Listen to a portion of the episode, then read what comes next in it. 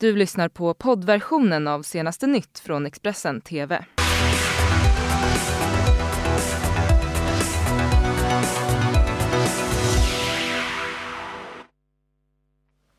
God morgon och välkommen till Expressen TV med mig Karin Bülow Orje. Det här är morgonens rubriker.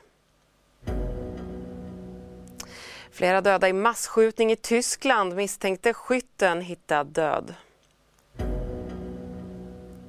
Tidigare New York-borgmästaren Michael Bloomberg äntrade debattscenen i natt. CNN rapporterar live från sammandrabbningen alldeles strax.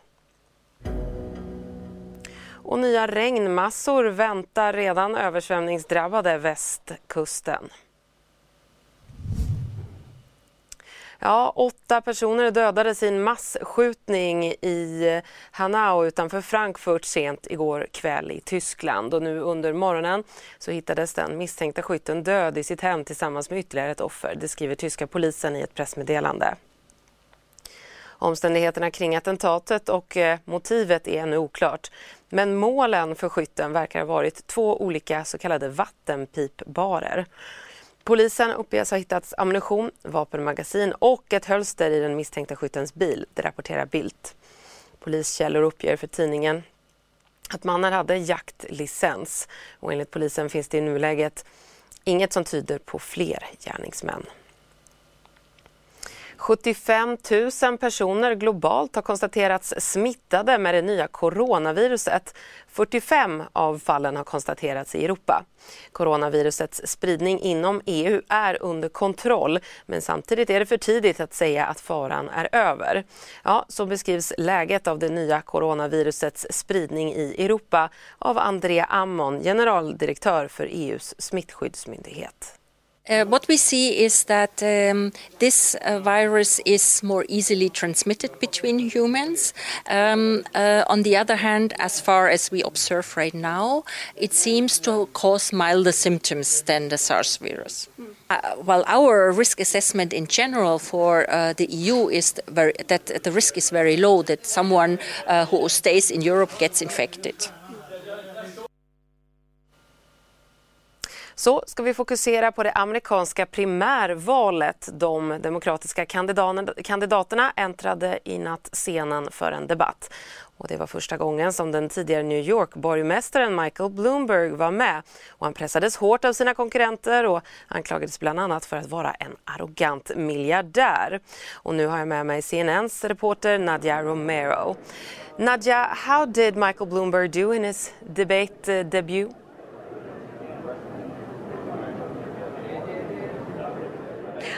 Well, Karen, we saw Michael Bloomberg on that debate stage for the first time. And we have to remember, he's been trying to lower expectations all week. This is the first time he's been on a debate stage since 2009, and it showed.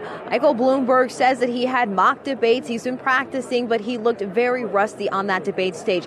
Everyone on stage was attacking him. He was on the wrong end of a firing squad, and he was trying to fend off attacks, but he honestly didn't do that great of a job. And it were topics that we all knew would come up. His policy of stop and frisks where the police were able to stop black and brown men and, and search them for weapons. It was a racist policy, period, and it happened for a long time in New York City. And Michael Bloomberg defended it up until he started running for president. He was also questioned about the non disclosure agreements he had with multiple women who alleged sexual harassment or sexual discrimination uh, during his time when they were working uh, for his company. And he did not answer any of those questions very well. He had a poor debate performance. His campaign just sent out a press release to the supporters saying that he's just getting started, almost admitting that this was not the debate performance they were hoping for. Karen? Was there a moment, Nadia, during the debate that stood out as a game changer, would you say?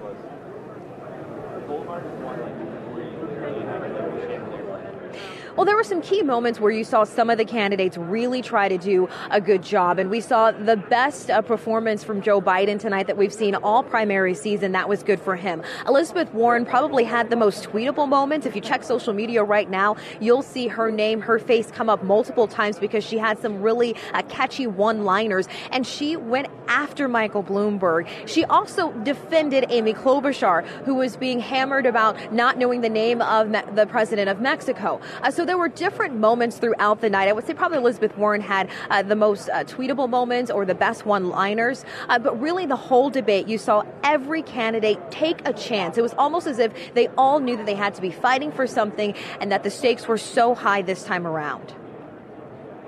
Okay, so uh, it sounds, according to you, that, that Elizabeth Warren did the absolute best during this debate. But which candidate has the upper hand as we're approaching Super Tuesday? Is it Warren?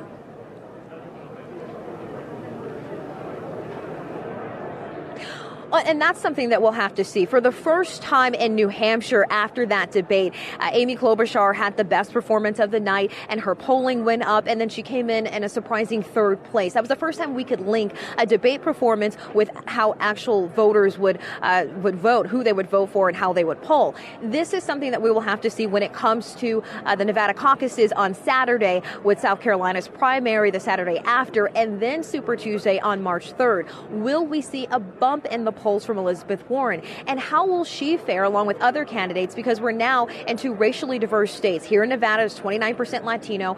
In South Carolina, some 60% of the Democratic electorate is black. So she polls well with uh, voters of color. This debate performance may take her into the top three.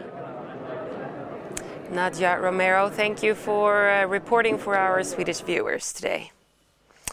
Så inrikespolitik istället. Eh, röster har höjts för att Stefan Löfven kanske inte är rätt person att leda Socialdemokraterna i det kommande valet. Kritik som går ut på att partiet gett upp alldeles för mycket av sin egen politik i och med, eh, i och med att man sökt stöd hos mittenpartierna. Det är någonting som sker nu i partiet. Stefan Löfven hade tidigare ett grundmurat stöd Eh, han har sett som en frälsare som tog över Socialdemokraterna i djup kris efter Håkan Juholt. Eh, och det har varit otänkbart att kritisera honom. Men nu händer det ändå. Expressen har rapporterat om hur en rad förbund med Kommunals ordförande Tobias Baudin i spetsen mobiliserar mot januariavtalet. Och nu kliver ännu en tungviktare inom LO fram. Det handlar om Byggnads ordförande Johan Lindholm. Han sitter inte bara i LOs styrelse utan också i Socialdemokraternas. För Expressen beskriver han januariavtalet, som han själv var med och fattade beslut om, som ett stort misstag.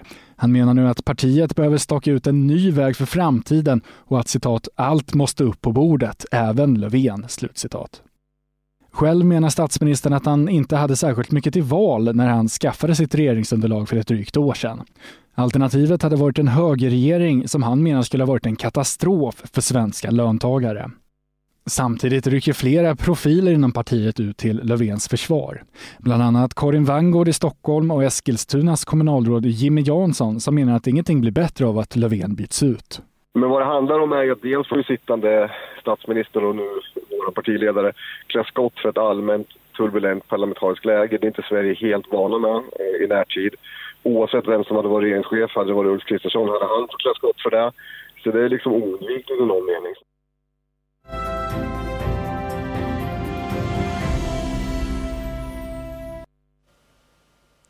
Ja, västkusten har under eh, den senaste veckan drabbats av svåra översvämningar och SMHI varnar nu för ännu mer regn idag.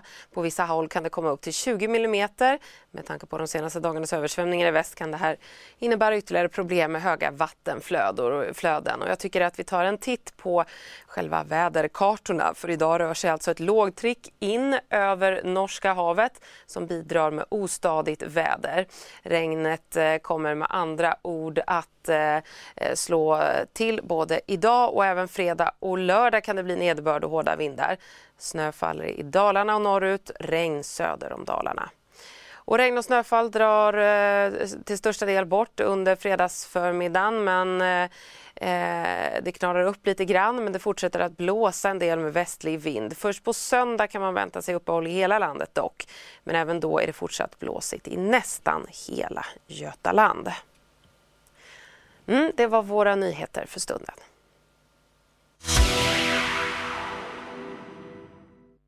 Du har lyssnat på poddversionen av senaste nytt från Expressen TV. Tillförordnad ansvarig utgivare är Klas Granström. Ett poddtips från Podplay. I podden Något Kaiko garanterar östgötarna Brutti och jag, Davva, dig en stor dos skratt. Där följer jag pladask för köttätandet igen. Man är lite som en jävla vampyr. Man har fått lite blodsmak och då måste man ha mer. Udda spaningar, fängslande anekdoter och en och annan arg rant. Jag måste ha mitt kaffe på morgonen för annars är jag ingen trevlig människa. Då är du ingen trevlig människa, punkt. Något kajko, hör du på podplay. Därför är gardinerna.